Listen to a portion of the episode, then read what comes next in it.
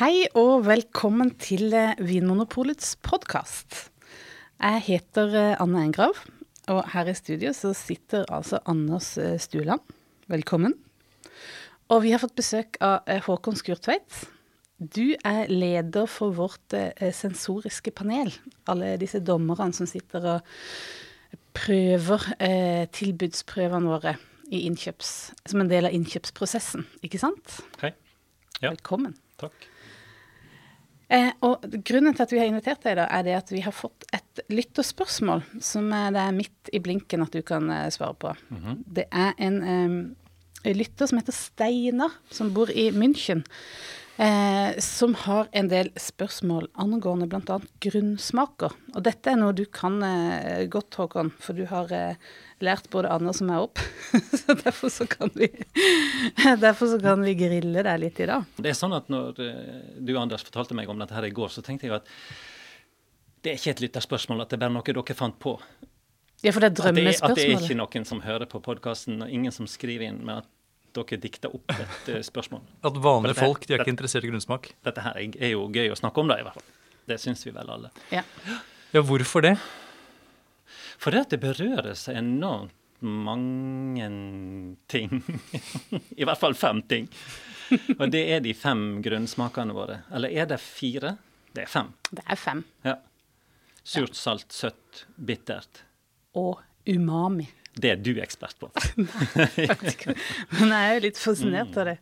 Det er litt gøy, for vi har så dårlig språk og når jeg sier vi, så tenker jeg ikke på oss tre, men, men den vestlige verden i hvert fall har dårlig, lite språk for en god del av det som handler om det vi sanser med smak og aroma, kanskje særlig aroma.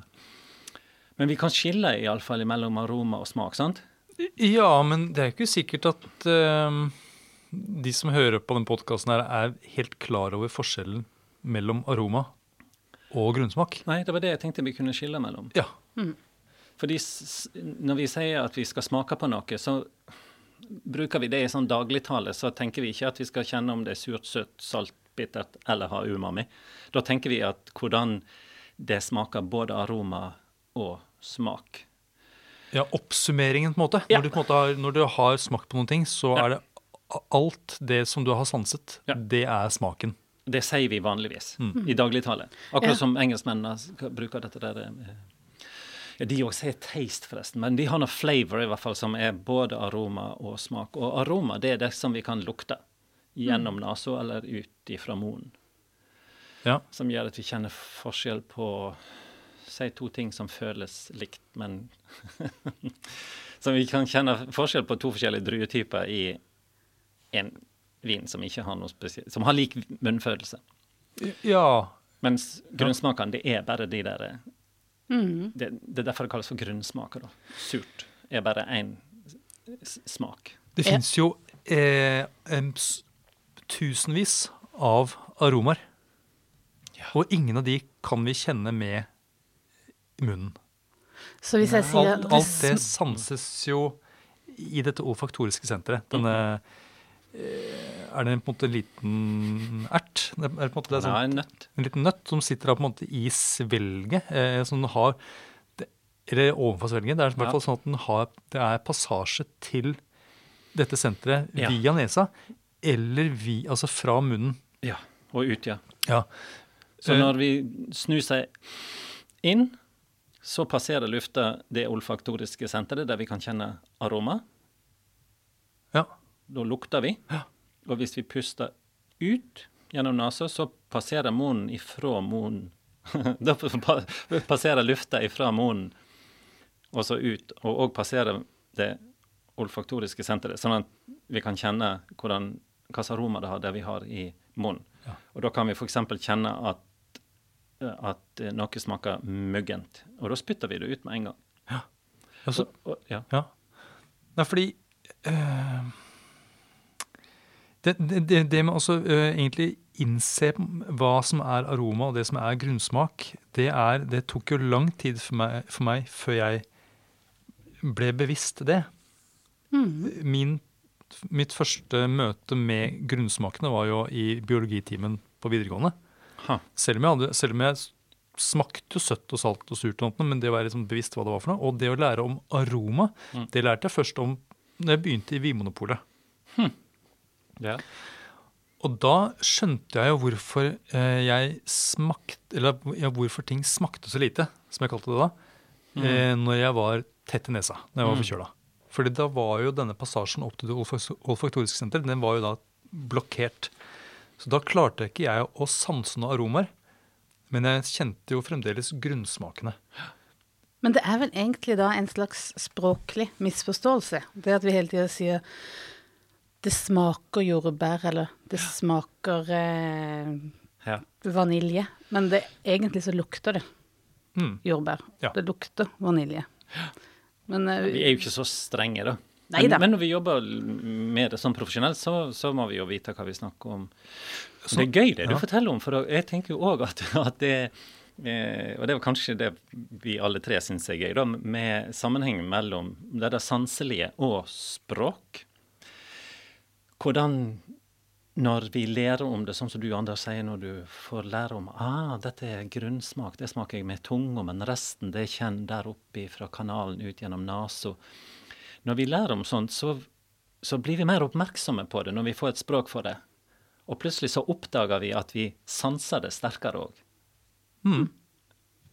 Ja, ja, helt klart. Og, og jeg kan bruke den kunnskapen når jeg skal smake på ting, eh, fordi jeg vet hvordan ting fungerer. Jeg vet som, hva er vitsen med å lukte på vin i glasset. Hvorfor fungerer et glass bedre å lukte fra enn et annet type glass, f.eks.? Mm. Og jeg kan også være bevisst det at eh, en aroma som får meg til å tenke på en søt frukt, Eh, hvis jeg kjenner igjen vin, så behøver ikke det bety at det er søtsmak i vinen. Mm. Og det er også en sånn derre eh, en distinksjon som jeg tenker mange ikke er klar over hvis ikke du er en trent smaker. At de fort kan blande sammen grunnsmaken søtt Mm. og assosiasjonen til eh, en, en søt frukt. Ja. Fordi du kjenner en aroma. Ja, Ja, for det er veldig ofte jeg hører å ja, dette lukter søtt. Det er jo helt umulig å, å få til å lukte det Men tenker ikke du, for jeg òg tenker jo det.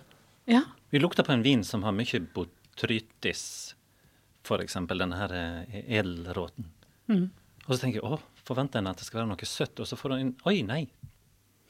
For det er så sjelden at det er mye botrytis på en, en vin som har botrytis, Ja, at den er tørr. Ja, og da tar hjernen denne, denne berømte snarveien som hjernen ofte tar. Okay. Er det ikke det? Det er ikke det som skjer? Jo, eller jeg tenker bare at det, eh, hvis man hadde sagt det lukter som noe søtt, så hadde det vært på en måte tydeligere.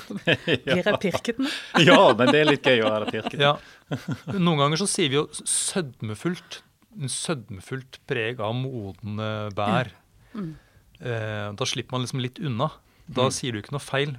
Eh, Men eh, hang on. Ja. Altså, vi har snakka mye om lukt nå, men det han egentlig spør oss om, er jo grunnsmak. ja, og jeg tenker at det er viktig det å vite hva aroma er, for å også forstå hva grunnsmak ikke er. Mm. Ja.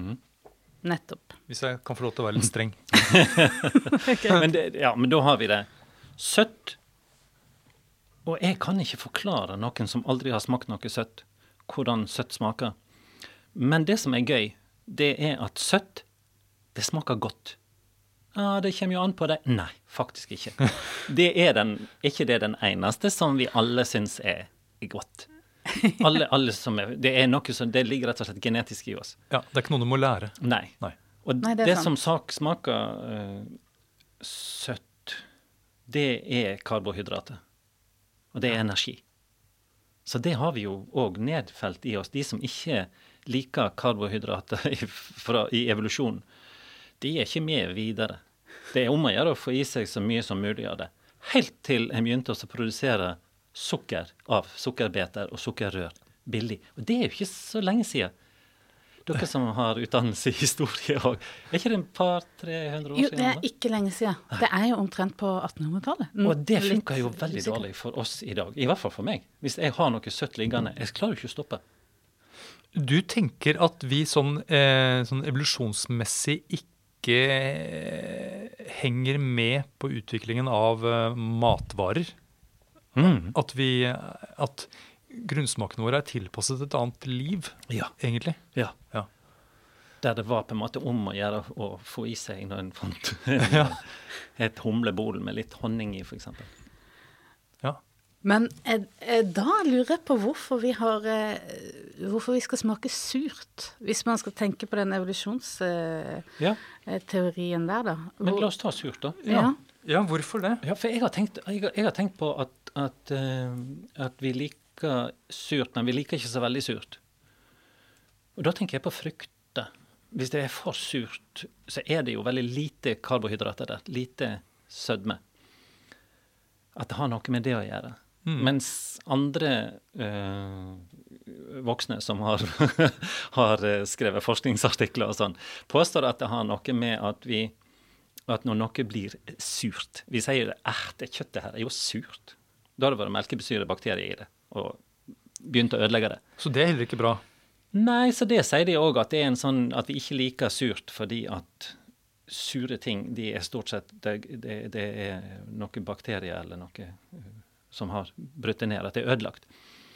Jeg kjøper ikke helt den. nei. Men, men eh, hva husker dere når dere var små? Var, var det sånn at dere likte sure ting? ja. Jeg også syns jo at det var godt, men det var jo alltid i, sammen med ting som Det var gjerne søtt i tillegg. Nei. Det var ikke bare surt. Jeg tenker En, en sur sitron det syns jeg var fryktelig surt. Ja, men vi åt jo rabarbra, eksempel, som er jo Det er vel bittert òg. Det det er i hvert fall mye snerp.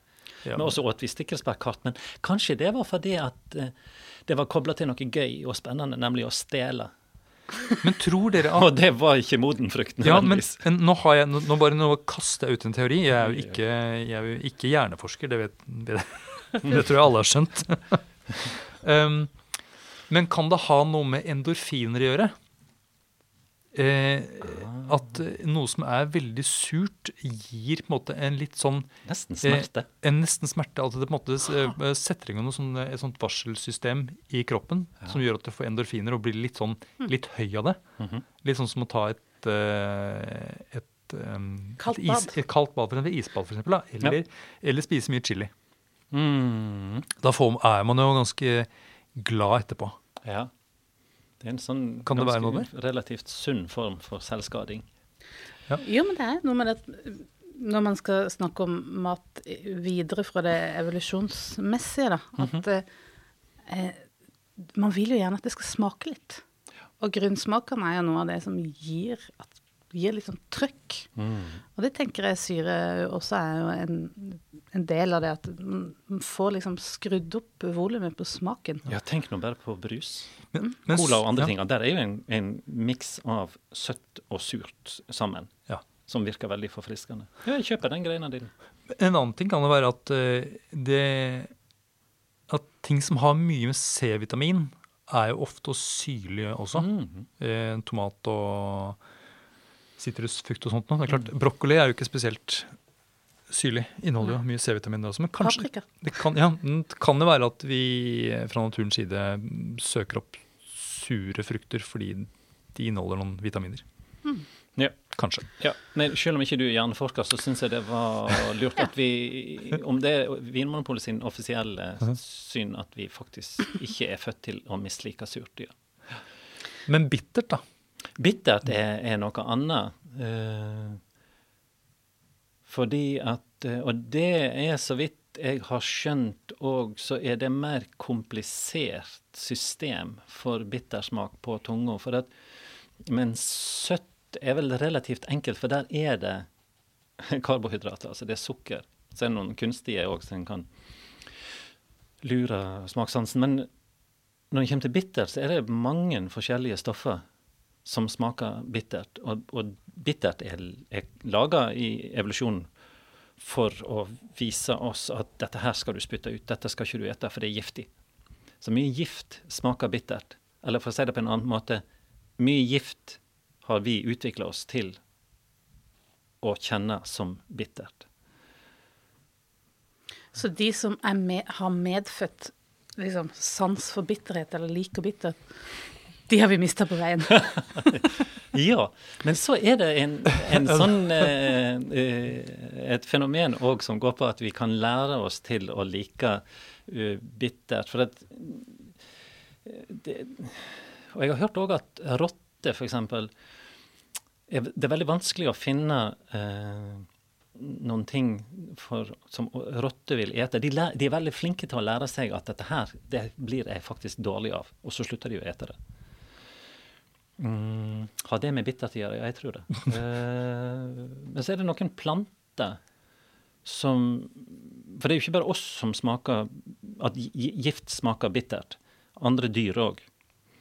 Så det er noen planter som har utvikla bitter smak og, og, overlevd og blitt mangfoldige fordi at de smaker bittert, så det at dyr ikke vil ete dem. Men de er ikke giftige. Så jeg tenker på sånn som endiver og dere kan jo nevne i fleng bitre Ruccola er jo veldig bittert, er det ikke det? Er det det? Eller er det bare sterkt? Det er sånn sennepssterkt. Ja, det. det, er rota litt, men det er litt bitter òg. Veldig god aroma. Ja. Og grepfrukt. Så har vi humle, da. Og humle, ja. Som kanskje er mest aktuelt sånn ja. i vinmonopolsammenheng. Og jeg syns det er morsomt når du, Anne, sier at de som opp gjennom menneskets historie har vært glad eh, i bitterhet, de eh, har falt litt fra. Så, så da, de kommer tilbake. Eh, men så er det den der, denne bølgen med eh, sånne ekstreme IPA-er, ja. disse veldig bitre ølene. Mm. Det, og det er jo stort sett menn som liker det. Er det mm. ja, er de, er, Står de i fare for å få i seg giftige ting hvis, de, hvis, de blir, hvis man blir veldig glad i bitterhet? Nei, jeg tror akkurat det handler om det at man har overkommet noe man fra naturen ikke er programmert til å like. Mm. Så da er man jo Det er jo en slags maktdemonstrasjon. Mm. Mm. Ja. Man er sterkere enn naturen. Ja. Så det er bittersmaken, ja. Og kaffe er jo også bittert. Er det ikke det? Det er litt bitterhet i kaffe. Ja, ja Vi snakker alltid om det. Jeg, jeg vet jeg, Ja. Mm. Ja, det, det er bittersmak. Ja. Og helt ren sjokolade er bitter. Ja. ja, det kjenner jeg veldig mye eh, klarere. Men det, det er òg øh, Av og til så snakkes det om viner som snerper mye, altså der du blir tørr i munnen. At de er bitre. Og det er på en måte litt sant, for at tannin òg gir en bitter smak. Men bittert er, grunnsmaken bittert er noe annet enn det som snerper og tørker, får deg til å bli helt sånn uttørra i, i, i munnen. Ja. Jeg har eh, en anekdote. kan vi kaste den inn på nå? ja. da, vi, eh, da, vi, skulle kvalifisere oss til å bli dommere i sensorisk prøveinstans, så eh, eh satte eh, Håkon opp en serie med eh, grunnsmakstester. Altså det var flere serier. Nå må, du, nå må, du, rette meg hvis jeg ikke husker den helt riktig, men jeg mener at poenget er at du får tolv glass med blank væske, som egentlig er vann, mm. og så er det tilsatt ulike konsentrasjoner av surt, salt, søtt og bittert. Ja, vi brukte ikke umami. Vi brukte ikke umami. Nei. Men vi hadde fire grunnsmaker mm, som vi ja. testa, og så var det fra Altså, det er veldig, veldig tynne oppløsninger, så det, det smaker nesten bare vann, men du må ordentlig konsentrere deg for å, å smake hvilken smak var det. Og så var det om å gjøre at man skulle da ja. Vi måtte identifisere alle grunnsmakene, og øh, vi, vi, hadde vel to vi kunne misse på og fremdeles stå, men det måtte være de svakeste oppløsningene. Det var noe ja. i den uh, dyren der. Og så var det til og med noen av glassene som inneholdt bare vann? Ja, det var ett glass som bare var vann, så vi kunne ikke regne ut Ja. ja. Hm. Det var en veldig vanskelig test. Ja. Jeg eh, tenker at det skulle være så lett eh, å, å, å, gjøre, men da ble det i resultatene veldig tydelig for meg hvor ulike vi er i apparatet vårt. For for noen var det eh, liksom veldig grei skuring å mm. identifisere alle de bitre, mm. mens andre hadde alle de sure. Eksempel, eller altså, der var vi veldig ulike. Og da slo det meg at jeg som alltid har vært så glad i surt, som alltid har tenkt at det er noe jeg liker veldig godt. Det er egentlig noe jeg kjenner veldig dårlig. For det var den grunnsmaken jeg skåra dårligst på. Mens bittert, som jeg skal veldig lite til for jeg ikke liker, det er fordi jeg har kjempegod koll på bitterhet. Mm. Jeg tok den uten problem. Og kvinner har lettere for å kjenne bitterhet. Ja, og da jeg var gravid så kjente jeg bittert i mye større grad. Nettopp. Og da er vi vel tilbake til dette her giftsporet igjen, at eh, det Du klarer deg gjennom evolusjonen. Det er, helt, eh, det er ikke noen fare. Så, men altså sånn teoretisk, hvis de giftige tingene hadde smakt søtt, Ja. så hadde vi ikke vært spesielt, spesielt glad i søtt Nei, ikke sant? når vi var mm, små, i hvert fall. Nei, vi hadde nok ikke det på grunn av evolusjon. Mm. Mm. Men eh, umami, da. Denne, den femte grunnsmaken. Vi må så, ta salt først. ja, unnskyld. Vi har glemt salt. Vi har glemt salt. Ja. ja, hva skal vi si om salt, da? Er vi ferdig med bittert? Ja, er vi ikke det? Jeg har ikke noe mer på bittert. Annet enn at jeg er veldig god på å merke. En del eh, ølsmakere er jo veldig opptatt av at du, du må svelge ølet for å kunne vurdere bitterheten i ølet. Ja. Og det syns jeg er litt rart, fordi det de forklarer det med, er at de sier at reseptorene for bitterhet sitter nede i svelget.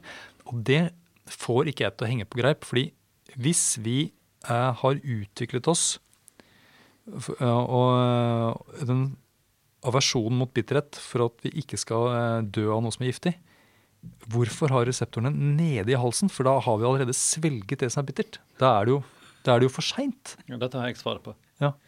Det du har hørt, fake news. Oh. Rett og slett.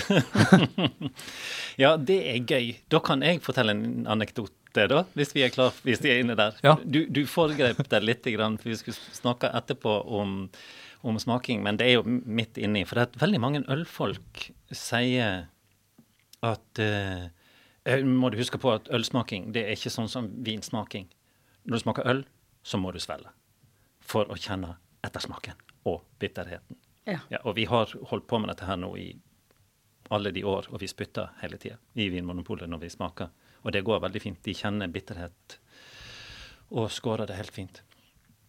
Så jeg har vært i uh, Uniten. Jeg var dommer i World Beer Cup, som er en veldig flott organisert uh, ølkonkurranse, sånn internasjonalt. Da husker jeg at jeg rett og slett ble kjefta på, og det, det har jeg litt problemer med. Det er, det er litt skummelt å bli kjefta på av noen andre, og særlig det jo verst når det er noen voksne, men han var omtrent halvparten så gammel som meg. en tsjekker som satt ved siden av meg, som så at jeg spytta, for jeg prøvde å være litt diskré. Omtrent alle der, altså det var, vi var bortimot 200 dommere, den eneste jeg så som spytta, det var en eh, bryggerimester fra Stockholm, ei dame. Hun spytta òg. Så jeg måtte være litt sånn forsiktig med den der eh, spyttinga mi. Og så kommer han der og ser på meg, og ser kvast på meg, og så sier at eh, You have to swallow. You can't taste if you spit. Ja ja, sier jeg. Jeg, jeg, eh, jeg svelger litt. OK. Ja. Ja. Du måtte si det, ja. Ja. Men det er, det er jo Og jeg snakket med noen andre. Jeg har til og med hørt noen folk som har fortalt meg at vi har smaksreseptorer ned gjennom halsen, og vi har smaksreseptorer til og med i lungene. Og det, det, ja. Da må jeg gå og lære meg til å bare nikke og si hm, jøss. Men jeg har også hørt at, at vi har hjerneceller i tarmene. Dette her eh, Ja, men jeg mener det seriøst. Jeg trodde at det var altså, nyere hjerneforskning.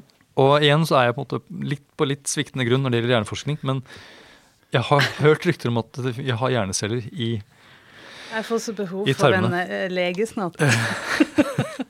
Kan noen sende inn en, en, enten en bekreftelse eller avkreftelse på det? Poenget er i alle fall, og det kan vi gjerne ta nå med det samme før vi tar salt Mm. Smaksceller har vi på tunga. Du snakker om de smakscellene som Som sitter på Sorter. smaksløkene, som sitter på disse papillene våre. På tunga så har vi noen sånne papiller, noen sånne tutter, Ja. vort, vorter, ja. tung, tungevorte. Sant? Den er ikke helt glatt, tunga, som plast. Det er noen sånne bortgjennom. Nei, den bør på- på- ikke være det, i hvert fall. På, på, det, på de som sitter smaksløker, som ser ut som løker, da, hvis du forstørrer de og, og skjærer de av. Og de smaksløkene kan vi smake med, og de fleste av de smaker vi mer enn én smak, og noen smaker vi tre, og noen fire, så vidt jeg kan huske. Men nå jeg er helt på grensa av hva jeg husker igjen av dette. Men det jeg i hvert fall vet, det er at denne gamle myten om at på tunga så smaker vi søtt, og bak så smaker vi bittert, og på sidene så er det salt og, og surt. Det er bare tull. Ja, for det lærte jeg i biologi, nemlig. Ja. Der hadde de i boka et sånt tungekart Ja. som var på en måte viste hva skal jeg si, tungens erogene soner, med tanke på grunnsmaker. Hvor det, men, ja, og der sto, Jeg husker ikke helt hvor det var plassert, de forskjellige tingene. Men ja. mm, Men det kan jo bare hvem som helst prøve hjemme. Å ta eh, litt sukker på hvor som helst på tunga. Og kjenne om du smaker det. Ja, men du skjønner at tidligere, når jeg begynte i Vinmonopolet begynte med den smakinga, så fikk jeg jo høre at hvis du gjorde det, så vil du òg oppdage det at du smaker kun søtt på tungespissen. Så antageligvis så går det an å lure oss til å tro at vi gjør det. vi Men for det, den for, ordentlig forskning som er gjort, viser at de er ganske vilkårlig spredd ut gjennom, og de finner ikke noe sånn fast mønster i det hele tatt. Så de fleste smaksløker inneholder smaksceller som kan formidle både søtt, salt, surt og bittert. Så, så bare så det er Så det er ikke Ja. Vi har jo vært alle utsatt for sånne som har fortalt om sånne glassformer òg, der du skal drikke sure viner fra et glass som er forma sånn at vinen treffer tungespissen først, for da kommer det søte osv. Så sånn, ja. Det, vi er lette å lure, da. Men dette der, det er jo ganske utrolig. For at det, årsaken til det der kartet, det var noe forskning som var gjort på slutten av 1800-tallet om smakssansen vår. Og så var det noen som leste den forskningen og misforsto den, tolka den feil, at, og så tegna de opp det der kartet der. Altså, det er over 100 år siden. Og det er siden dette der oppstod. Allikevel så, eh, så driver de fremdeles altså Mange plasser du kan slå opp og, og, og, i lærebøker og sånn, og så viser de det der kartet over tunga der eh, søtt er på tungespissen og bittert bakerst osv. Eh, og det er ja, det, er- det er litt interessant, da. Det er interessant. Men, men, det, men det vi vet, det, der er, det er jo at eh, det som registrerer grunnsmakene, Mm -mm. det er i hvert fall på tunga. Ja. Det er ikke sånn at det er andre steder i munnen, eller? Nei. Nei. Det er tunga som har skylda. Og så er det andre sånne papiller som ikke har smaksløker på tunga, men som registrerer andre ting. Så tunga tar ikke seg bedre av smakene. Den registrerer òg sånn hvis det er litt grann bobler i en vin, at du kjenner det. viskositet, at den er litt sånn tjuktflytende eller tyntflytende. Ja.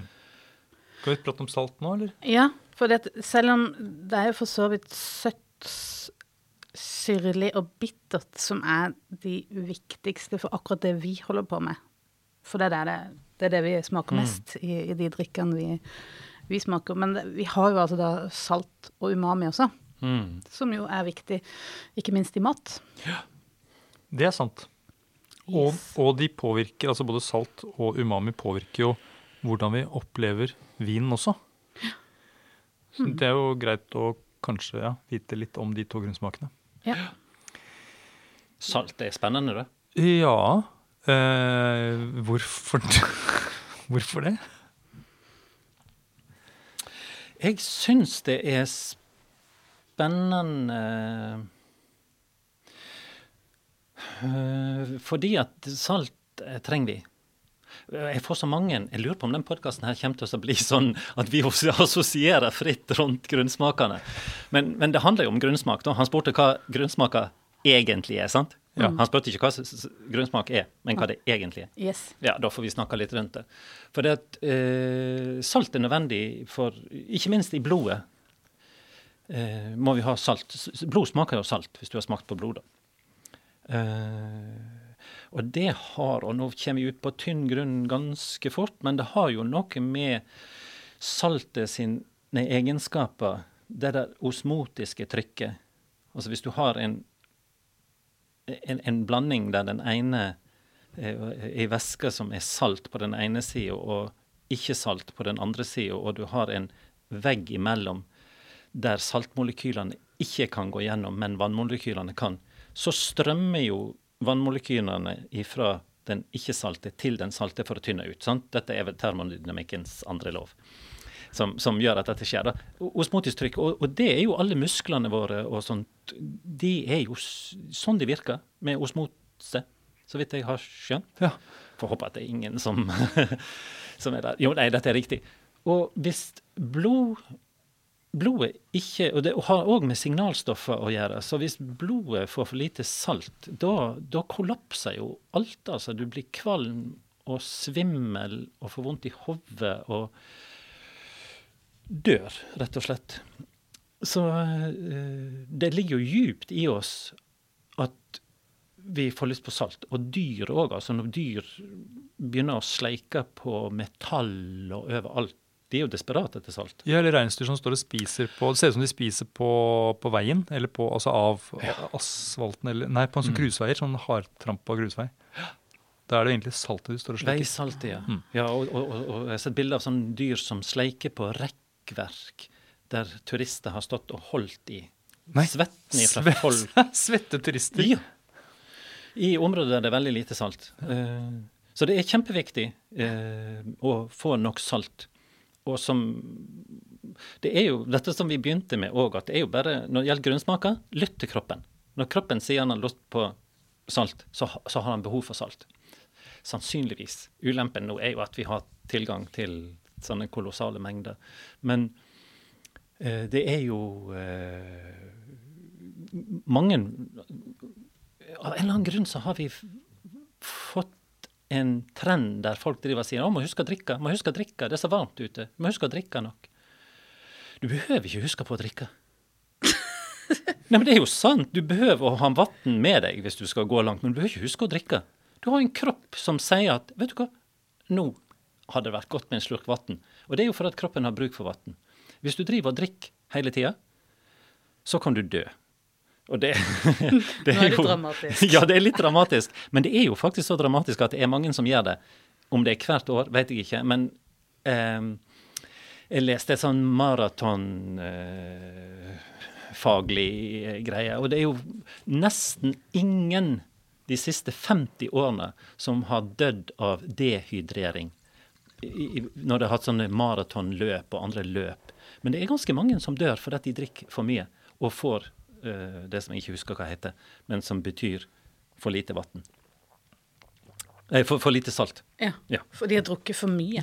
Så Og, de og symptomene ut. kan minne om, eh, om de du får når du blir dehydrert. Altså litt sånn uvel og kvalm og sånn. Og folk pøser på. Så det er jo folk som har dødd fordi at de har trodd at de må drikke mer vann. Så vårt budskap i dag er drikk når du er tørst. Mm, Ja, men jeg kommer til å tenke på at når man sitter og prøver vin, f.eks., så er det Da glemmer jeg fort å drikke vann underveis. Fordi, fordi munnen min er eh, måte, Jeg har jo væske i munnen ofte, men den kommer jo ikke inn i kroppen. Nei.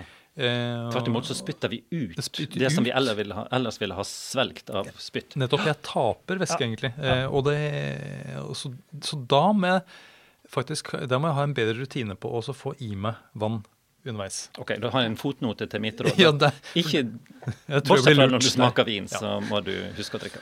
Men salt er jo godt å ha på maten. Mm. Eh, og i grøten. Det er en smaksforsterker. Ja, og hvorfor det? Hvorfor, hva er det som gjør at det, det blir bedre med salt? Eh, det var et vanskelig spørsmål. Men eh, jeg, jeg har sett på salt som en smaksforsterker. At ved å putte si, til og med i søte ting, litt grann salt i sjokoladekake Ja. eksempel, så smaker det litt mer også søtt. Eller sjokolade. Eller, så det liksom er en slags sånn eh, Hva heter det? Katalysator. eller noe som opp, en døråpner, i hvert fall. Ja, En nøkkel? En, En nøkkel. Ja. Jeg tror det har med at det er så viktig for oss. For det er enorm effekt av eh, salt. Altså Forskjellen på bitte litt salt, som du sa, Anders, i f.eks. i graut, og ingen salt, er ganske stor. Ja, det gjelder å ha til salt i grøten. Men um, kommer dere på noe drikke som smaker salt? Ja, Ja. det gjør jeg. Er sånn eh, tyrkisk drikkeyoghurt. Ja. Og salt lassi Salt fins det også, som også er noe lignende, men fra India. Eh, Men, men jeg tenker på det som vi selger på Vinpolet. Er det, sånn, ja. jeg tenker at eh, Nei, ikke hvis man ikke skal begynne å bli litt sånn spissfindig rundt det men mm, sherry har vel litt oh, ja. salt. Det er tørre sherryer. Oh, ja. Mm. Ja. Og det tror jeg er salt òg, som rett og slett kommer flygende. Og det er noen ganger i viner, og jeg tar det Det smaker veldig godt. Av og til så Det har vel dere òg? At en kjenner at jøss, det er akkurat som det er litt sånn saltsmak i ettersmaken. Og det blir veldig godt. Om det, hva det er for noe, veit jeg ikke. Men jeg blir imponert når jeg kjenner det. Hm. Over deg selv, eller Nei. over, imponert over, over vinen? Over vinen, ja. Jeg blir så kry. Eh, men men eh, en annen ting med salt eh, og drikke som vi har opplevd, er jo det at eh, hvis du spiser mat som er tydelig salt, så demper det opplevelsen av friskheten i vinen. Altså syresmaken, altså den andre grunnsmaken, eh, eller altså en annen grunnsmak, da. Den blir ikke så tilstedeværende lenger. Nei, det er sant. Det er litt mot det jeg egentlig sa i stad, men du har jo helt rett. Det er det vi har erfart. Men det er den ene smaken som ikke blir tydeligere med salt. Den blir faktisk dempa. Ja, og, hvor, og da tenker jeg kanskje det har noe det, Kanskje det har noe med at det er en sånn kombinasjon med disse løk, smaksløkene, altså. At Ja. Nei, Å, ja, jeg ser det du rister på hodet. Håkon. Det nå-. Ja, det er hypoteser. Noen kan forske på det. Den siste grunnsmaken. Ja. Er vi ferdig med salt? Mm. Føler dere Jeg er ferdig. dere gjennomsnakka med salt? Yep. For vi har jo umami. Den har vi ikke vært gjennom ennå. Og eh, det er jo kanskje den sist ankomne grunnsmaken. Ikke fordi vi ikke har kunnet smake den før, men fordi vi har ikke satt ord på den før. Som du begynte med, Håkon. Hvordan, hvordan skal man sette ord på en grunnsmak? Hvordan forklarer man hvordan noe smaker? For det er jo eh, for meg helt komplett umulig. Eh, Og det gjelder alle. Og også umami, så når det kommer liksom et nytt begrep inn i denne grunnsmaksboka, så eh, er det vanskelig å beskrive akkurat hvordan smaken av umami er. Det letteste er vel kanskje å si hvor man kan finne den. Men hvis du sa at søtt er smaken av karbohydrater, så er kanskje umami-smaken av prote Aminosyrer. protein. Ja, og aminosyrer. Mm. Ja. Som er en Ja, del av for, for det eh, jeg, men, men ja, det var fint at du sa det, for jeg òg tenkte på umami, at, at det er Vi syns det er godt fordi at vi trenger proteiner. Ja. Det er kanskje derfor. Ja. Jeg syns det er en hypotese vi kan klamre oss til. i hvert fall. ja. Jeg, jeg, tror, jeg, jeg tror vi er inne på noe der, Ja. faktisk. For, for eh, dere må bare supplere, men jeg, jeg tenker eh, umami er jo sånn vi kjenner det i soyasaus. Vi kjenner det i eh, lagra ost som eh, parmesan, i tomat, i sopp, i Mais. kjøtt, i mais, Erter. erter. Og altså det er jo et veldig stort sånn spekter av ulike eh, råvarer. Og Ja. kjøtt. Ja, og, men en ting som er interessant, at når det gjelder altså, så, eh, grønnsaker og, og, og, og bær som har eh, preg av umami, får gjerne mer umami-preg når de er modne. Og kokte. Og, Eller? jo, og, og kokte også, eh, for så vidt. Men det, er, det henger sammen med hvor modne de er. Så det kan jo også være en sånn en indikator for oss mennesker at en, når vi smaker umami, så er det, er det da en, noe som er modent. Ja, for det er også som inneholder da kanskje mer næring også. Mm. For velsmakenhet har jeg hørt noen beskrive umami som, og det er jo litt eh, vagt, men eh, det handler vel om det at vi liker det som er modent. Ja. Ja, jeg også har, ser, når jeg ser en sånn liste over grunnsmaker, eh, så står det gjerne mer forklart under umami enn de andre smakene. Uh, og sånn, i teorien så skal det ikke være noe lettere å forstå de andre grunnsmakene enn har, vis- umami. Men det er bare det at vi har, vi, kjenner vi. Har om det hele vi har ikke liksom lært om det fra da vi var små. Mm. Men jeg tenker at det med grunnsmaker det må inn i skolen før eh, biologien på videregående. Inne i grunnskolen. Jeg tenker at eh, grunnskolen og, og grunnsmakene, det, det hører jo naturlig sammen. Åh, det var elegant. Eh, ja. Takk for den. Ja. Mm. Eh, Men eh, ja. ja, og umami er jo også en sånn grunnsmak som påvirker smaken av vinen. Mm. selv om det ikke er spesielt mye umami i vin, så er den veldig aktuell når du skal sette drikke eller mat til drikke. Eh, Drikke til mat. For det vi, eh, det vi opplever der, eh, er jo det at eh, umamirik mat, det demper fruktigheten Ja. i vinen, sånn at du får en tydeligere preg av disse, disse det som vi kaller for strukturelementene i vinen, sånn som eh, snerp og garvestoff, men også Mm. friskhet. Det tar liksom vekk litt av flesket i vinen, og så sitter du igjen med skjelettet. Mm. Hvis det er i ekstreme Setter det i et sånt ekstremt bilde, da. Mm. Så det, Og det det er umami, det vi kjenner i f.eks. hvitvin som har lagt lenge på berme, altså på døde gjærrester, sånn som champagne og en del andre viner som blir oppbevart etter fermentering er ferdig. Mm. Og, og de gjærcellene går i oppløsning, da. Mm. Den autolyseffekten som, som autolysen har på, på vin, det, er, det smaker umami, sant? Ja, og det er jo Jeg- veldig godt med sånne viner til umamirik mat. Nettopp, ja. Mm. Så hvis man vil teste dette her, Man kunne jo f.eks. Eh, tatt eh, en skje med soyasaus. Mm. Og så, først prøve en, eh, en rødvin da, som har en del snerp. Eh, og så prøve den først uten ja, at du har prøvd soyasaus. Og så tar du en skje med soyasaus. Og så kan du teste den samme rødvinen på nytt. Og så kan du kjenne etter om, om du syns det forandrer hvor mye du kjenner snerpen i vin, f.eks., Mm. og, og fruktigheten. mm. Og, og syra, for jeg tenker soyasaus er jo også veldig salt. Mm. Så da skal jo teorien syrligheten i vinen skal jo gå Mm. ned. Den, det er et fint eksperiment. Det skal jeg gjøre i kveld. Ja. Og et, det kan komme et annet eksperiment også, da. Når det gjelder akkurat det for å skille mellom aroma og grunnsmak, er at du kan blande sukker og kanel. eh, Det du pleier å ha på rømmegrøten. Og så eh, holder du deg godt for nesa, og så putter du da en, en skje med den sukker- og kanelblandingen inn i munnen. Og så sitter du en stund, og så kjenner du liksom at det løser opp. Og da vil Mens du, du holder for nesa. mens du holder for nesa. Eh, riktig. Prøv å puste litt med munnen da, eh, imens. Og så kjenner, da vil du kjenne søtsmaken, altså grunnsmaken søtt, men Ja. du vil ikke kjenne aromaen av kanel. Nettopp. Og så slipper det opp eh, sånn at du får luft gjennom nesa. Og da Wow! Der kom kanelen. Da kommer kanelen. Og da vil du forstå Da vil du forstå dette med grunnsmak og aroma. Og så vil en forstå hva du holder på med om kveldene. Mm. Sånn akkurat. Men eh, det er jo noen ting som foregår altså, Vi kjenner jo mer i munnen enn bare grunnsmakene. Ja, Eh, det er bra du sier, for jeg skulle til å lese opp eh, egentlig andre ledd av det spørsmålet fra Steinar fra München. Ja, ok, men Før du gjør det, kan- jeg bare liksom skyte inn noe? fordi vi, vi har altså På eh, hylleforkantene våre, altså disse papirlappene som st står på hyllene i Vinmonopolets butikker, der er det noen sånne klokkediagrammer.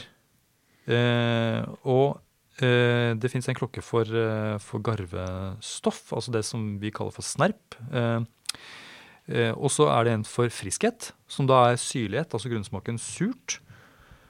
Og så er det da sødme i hvitvin og, og musserende. Eh, og det er jo grunnsmaken søtt.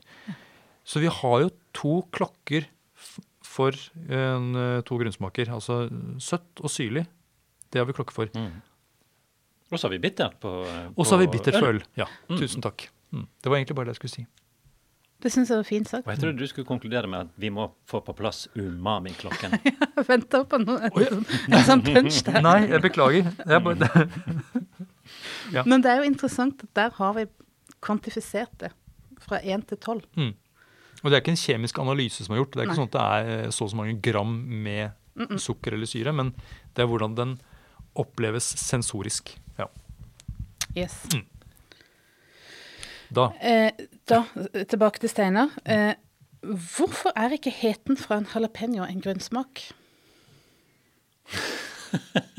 det er veldig Det, er det gikk fra å være veldig hvitt Ja, men veldig det, går, det er gøy med sånne spørsmål som eh, der du på en måte, Det høres så enkelt ut, og så klarer du ikke å svare på det likevel. Ja, men det er jo Men det er jo en eh, det, det er ikke en grunnsmak. Det er jo på en måte svaret. For at det er noe som Vi sa jo det er, ikke noe, det er ikke helt godt svar, da, men vi sa jo at på tunga kjenner vi grunnsmakene og ingen andre plasser.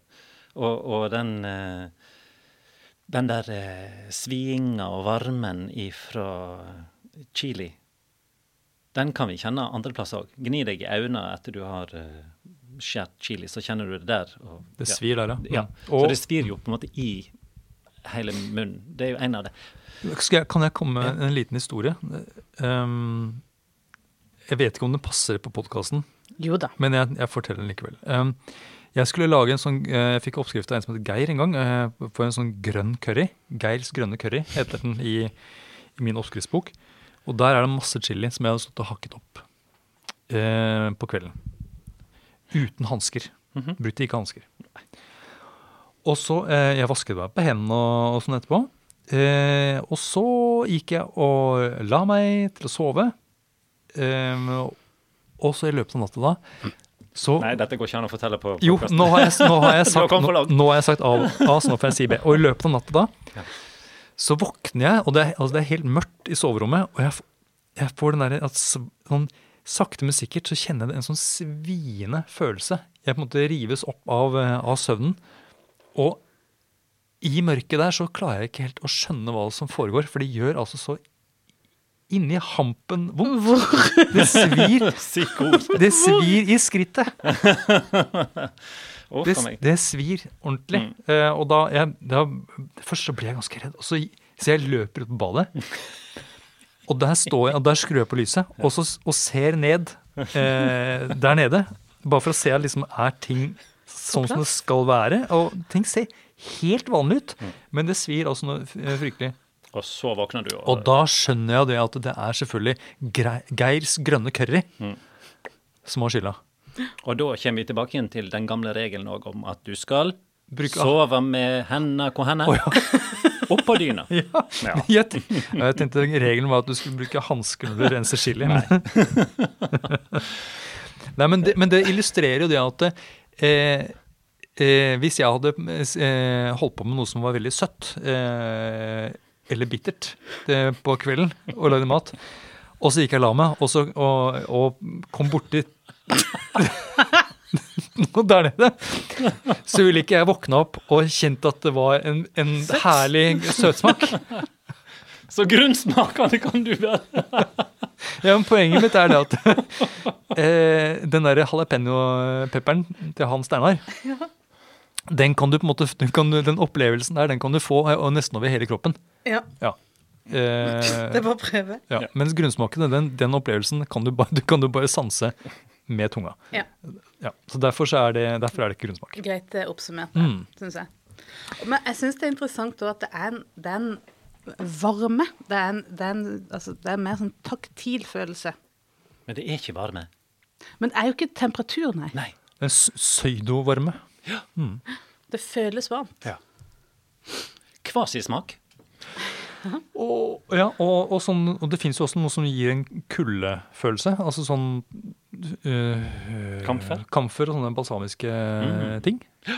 Virker jo avkjølende. Man tror det er kaldt, men det er jo ikke kaldt. Til og med når du lukter på det, så kan du få en sånn Og vi bruker det jo Vi snakker jo om at det er en sval lukt av, av de eh, balsamiske stoffene. Ja. Mentol, kamfer. Ja. Så det, men dette her handler da egentlig om irritasjon, da. Denne chili-opplevelsen. Det er at kroppen sier ifra at her, dette her er ikke bra. Det, det, det, det sier det, Det svir. er ja. mm. Det svir i skrittet. Uh, men det er jo man kan, man kan føle andre ting også i munnhulen. Som snerp, for eksempel. Mm. Altså det som eh, Tannin i rødvin gir jo denne snerpende munnfølelsen. Og det er, det er heller ikke en grunnsmak. Det er bare følelsen av tørt. Altså det er en tørr, uttørkende følelse. Ja. Og det henger sammen med at tanninet binder seg med eh, protein i spyttet vårt. Sånn at eh, vi mister denne smørende egenskapen som spyttet Ah, Da har. er vi inne på neste trinn på spørsmålet til eh, Steinar ifra München. Men, ja, men for jeg tenkte på en, en ting som eh, veldig mange er opptatt av, eh, og som handler om ikke om aroma, men som handler om hvordan man opplever en vin i munnen. Ja. Det er fylde. Ja. Åh, ikke se på meg. Det, det Eh, er ja, jeg vet ja, at ikke du det. liker å snakke Nei, men jeg syns det er Jo, men det Er er, det overvurdert? Nei. Det er, ja, men det er gøy å snakke om, for det, det handler om, om språk igjen. Og så det sånne begreper som vi har. Og, og av en eller annen grunn så fyller det er noe Det er liksom Det vet alle noe om. Og det er jo det vanskeligste når en skal være sånn sensoriker og, og kjenne. For at det er så sammensatt. Og det er så vanskelig å si hva det betyr òg. Vi kan vise til ja, men bare tenk på sånn fløyte, det er fyldigere enn skummamelk. Men ah, den forklaringen er bare sånn delvis god, da. Så det er veldig vanskelig å kalibrere et panel på fylde. Mm. Men, det handler om munnfølelse. Ja. Det er en sånn samlebetegnelse for munnfølelse. ja. Stor munnfølelse, stor fylde. Liten munnfølelse. Liten. Ja. Er ikke det så enkelt? Jeg, jeg syns det er eh, Ja, jeg syns det er vanskelig. Men at det henger sammen med på en måte hvor eh, Viskositet Ja. kan gi en følelse av fylde, men også hvor, hvor intens vinen føles. eh, og kanskje litt sånn fravær av syrlighet. Og alkohol. Og alkohol. Alkohol gir fylde, absolutt. Ja. Men at det henger sammen med kvalitet, det, det er en myte. Ja. Men det kan vi ta, det kanskje er en egen episode. Kanskje en egen klokkediagrammepisode. Mm, mm. Men det er noe som du eh, nevnte, dette her med eh, den uttørkende følelsen, eller altså munnfølelsen. Det leder oss bort på neste ledd i Steinar fra Münchens uh, spørsmål. Og det er altså hva er den beste måten å nullstille smaksløkene på mellom ulike smaksprøver? Han pleier å drikke en kalibreringspils. som man kjenner godt til. En som man kjenner godt for å få en nøytral gane. Sånn de som nullstiller seg med å ta en som man Det er ikke dumt. og, og han har også hørt at det hjelper å lukte på f.eks. kaffebønner eller drikke destillert vann. Ja. ja. Det er helt greit at du ser på meg, for jeg har, vi har jo alt, alle eksperimentert holdt det på si, og, og, og høsta erfaring og, og rundt dette der. Og han, det, det er to forskjellige ting han kommer inn på som er smartere. For det ene det er med å nullstille smaksløken. Da går vi vekk fra grønnsmak. Bare tenke sånn når du skal prøvesmake noe, og du skal liksom kjenne Ja, hvis du er på ei messe, hvis du er profesjonell eller flink amatør som skal smake en masse forskjellige øl, så til slutt så blir du liksom Ja, det smaker greit, men er dette en, er han god, eller er han sånn passe, eller hvor Da er det ikke så dumt å ha en referanse, noe som er kjent. Så det han skriver der om å ha en, en eller annen alminnelig pils som mange av de store merkene smaker omtrent likt fra gang til gang. Altså, ja. Så det er jo én ting. Men det andre som jeg tenkte på når jeg så det spørsmålet, det var det, hvordan skal du holde ut? Ja. Ja, en, en, en, en dag med Madiran, altså litt sånn sn Snerpende. snerpende tett. Ja. Rødvin fra Sørvest-Frankrike, ja. hvor du skal prøve da 30-40 Mm. slike viner. Eller brennevin, for den saks skyld. Altså, vi smaker jo sånn bortimot, i hvert fall godt over 40 kan vi smake på en eh, dag. Så hvordan Det holde fint, ut? altså. Ja, hva er, hva er metoden for å få til lik bedømming da fra begynnelsen av dagen til slutten av dagen? Dere kan jo ikke drikke en pils mellom hver gang.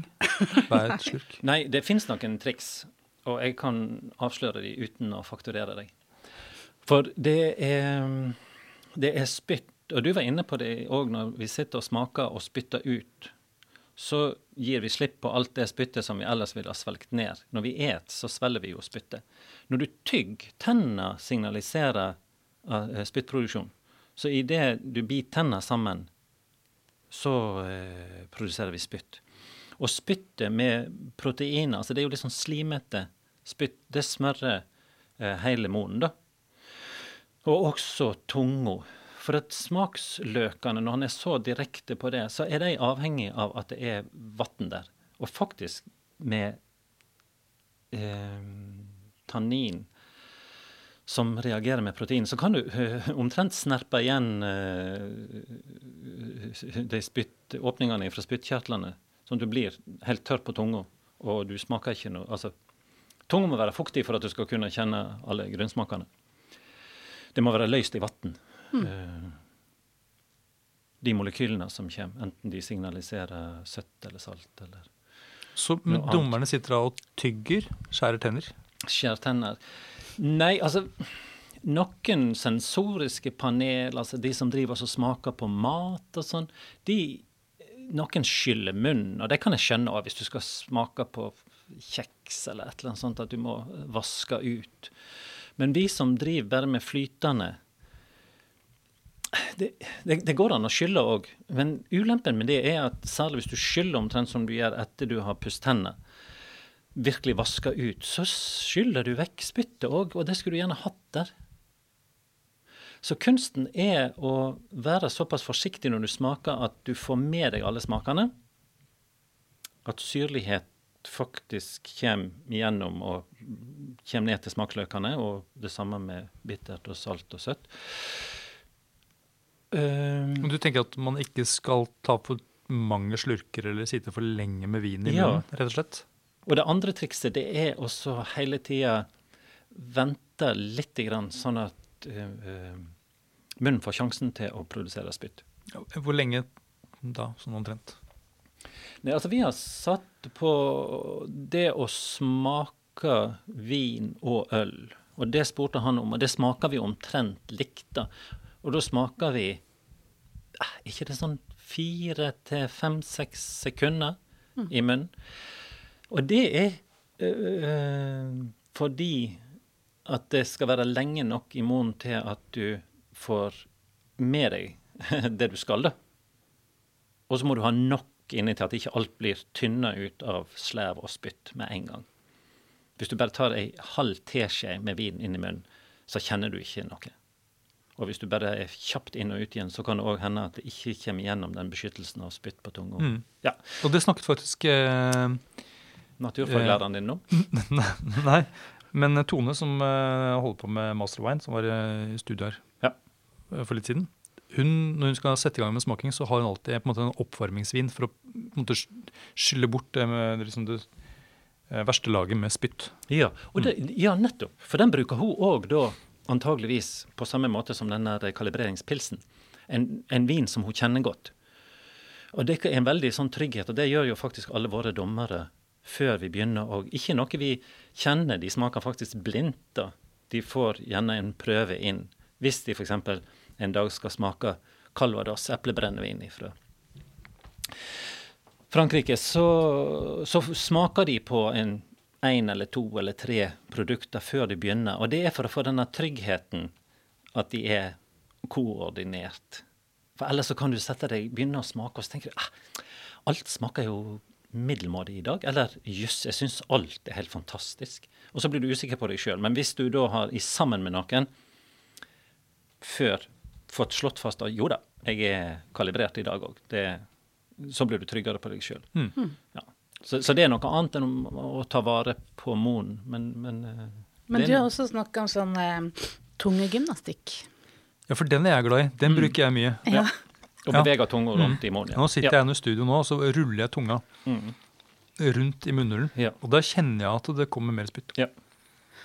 Mm. Ja. Jeg syns det er en bra øvelse. Det er noen øvelse. små triks. Og som mm. du sier, å ikke ta fylle munnen Men, for mye. Ja, for det, jeg tenker på, En blir veldig trøtt hvis en skal drive og uh, skylle. Men ellers må en gjerne gjøre det. Men hvis du skal smake bare ti produkter og har timevis på deg Men for oss som smaker mange, så smaker vi heller to ganger òg. Vi smaker jo alt to ganger, det er en del av trikset. Mm. Og så kuler den litt mellom hver uh, produkt. Og så går en ut og tar en pause. Men vi et ikke noe. Men det er en mulighet. Altså Noen et agurk, f.eks. Ja. Mellom hver slurk? Nei, ja, altså som, som driver mellom hver prøve. For å nullstille seg. Ja, og noen et kjeks som driver med vinsmaking òg. Så et de salte kjeks og sånn. Jeg blir trøtt av dem. Jeg, så jeg, ja. Enig. Vi har funnet ut at det er greiest å ja. Spise etterpå.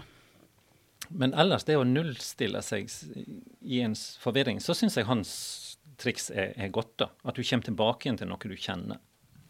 Ja, for han er jo tydeligvis en eh, ølmann, holdt jeg på å si. Mm -hmm. Og han lurer jo da på om eh, prøveinstansen går fram på samme måte når de blindsmaker øl og annen drikke som er vin. Det har ja. du jo vært litt inne på, da. Mm.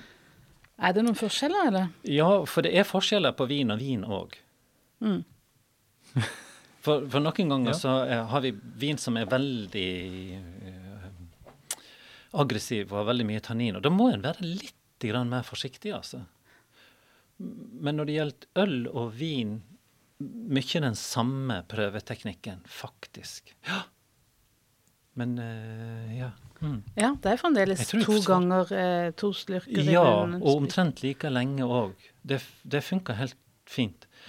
Men så kommer en til brennevin. Så er det en annen For den eh, Alkohol er jo et løsemiddel. Det løser så voldsomt opp. Og det gir jo en sånn fornemmelse av sviende varme i munnen òg. Så da er vi tilbake igjen til dette der med hva er nok. Og der er det ikke sånn at du kan du står en stor slurk inn i munnen. Men at vi Nå snakker jeg om brennevin, over 40% eller sånn. Ja, det begynner stort sett rundt der, og så oppover. Og der har vi utvikla en teknikk med å bare ta bitte lite grann inn i munnen. Fordi at det er ikke så viktig å få med seg alt det der surt, søtt, salt, og heller ikke snerp og sånt ifra. Det viser seg at det er nok å bare En kunne antageligvis ha bare brukt en liten pensel og, og så dyppa ned i glasset, og så pensla tunga. Og så lukka igjen munnen og smatta litt. Så du, får du med deg kvalitetene. Liten ja, ei, lita teskje inn på munnen, spytt ut med en gang. Altså det er sånn inn, ut. Som dere vet, som begge to ja. kan smake brennevin. Eh, Og alle de aromaene som dukker opp etterpå, det er jo veldig ja, fascinerende. det, det er litt gøy, dette der. For det er mange som gjør det på andre måter og vil si at dette er bare tøys, og du må heller vatne ut og blande halvt om halvt med vann og brennevin. og det er mange triks der, men det har vist seg at vi, altså vi har trent så mye på dette der og sett at vi smaker og får med oss de kvalitetene vi skal ha med oss. Altså det vil si at et stort panel, eller på prøving, der vi, på trening, mener jeg, der vi gjerne sitter 15 stykker og smaker på, med den teknikken, så er vi eh, eh, koordinerte. Altså når det kommer til et produkt som har høy konsentrasjon, altså lang ettersmak, og som smaker veldig flott og sånn, så får en det med seg med den teknikken. Det er litt eh, ja, Jeg kjenner at jeg er litt kry av at Vinmonopolet har fått til den der. Jeg tror ikke det er så mange andre som gjør det sånn. Så brennevin eh, raskt inn og ut, og en teskje holder. Ja. Lav mengde, Ja. la, uh, kort tid. Det er jo, jeg tenker at det er jo viktig at man har da en, en god smaketeknikk som du holder deg til. sånn at hvis du skal liksom sam, på en måte sammenligne produkter, eller eh, hva skal jeg si, så må du Du kan ikke plutselig ha et brennevin lenge inn i munnen og et annet eh, kort, eller en forskjellig mengde. Hadde vært en jeg må tenke på, hadde det vært en idé å ha en pipette, sånn at eh, eh, dommerne har får eksakt samme mengde vin hver gang de skal smake. Ja. Da skulle vi hatt skreddersydde pipetter. Noen dommere er mer muntere enn andre dommere. Så, så det er faktisk forskjell på hva en syns er greit å ta inn. Og det er for så vidt ikke noe farlig å ta store slurker. Da. Det er ikke Du må jo ha Du må ikke ha mer enn du Du må ikke føle at du holder på å drukne. Nei, Men, men ellers så er det stor nok slurk med vin, Mm. og liten nok. Men, men det er forskjell, og vi forlanger ikke at dommerne skal Det er ikke noe poeng at de skal ha like mye vin i munnen alle sammen. Men det er viktig at hver dommer har like mye av hver prøve inn i munnen. Altså når du kommer til neste glass, på akkurat samme måten. Du tenker på samme måten. At ikke du flytter oppmerksomheten fra konsentrasjon til munnfølelse. Og, ja. Eh, jeg, jeg føler at han har fått eh, svar på sine spørsmål. Han har um... til og med fått en pikant historie. har han. Ja. Det det er jeg for. Jeg trodde ikke at vi skulle kunne sma snakke så mye om, om dette her. Jeg kan snakke i mange timer og videre, det vet dere. Ja, i Men det, mange klarte, år. men det klarte vi. Takk for at du hører på Vinmonopolets podkast. Har du forslag til et tema i podkasten? Send mail til podkast at vinmonopolet.no. I tillegg svarer kundesenteret deg på e-post, chat og telefon.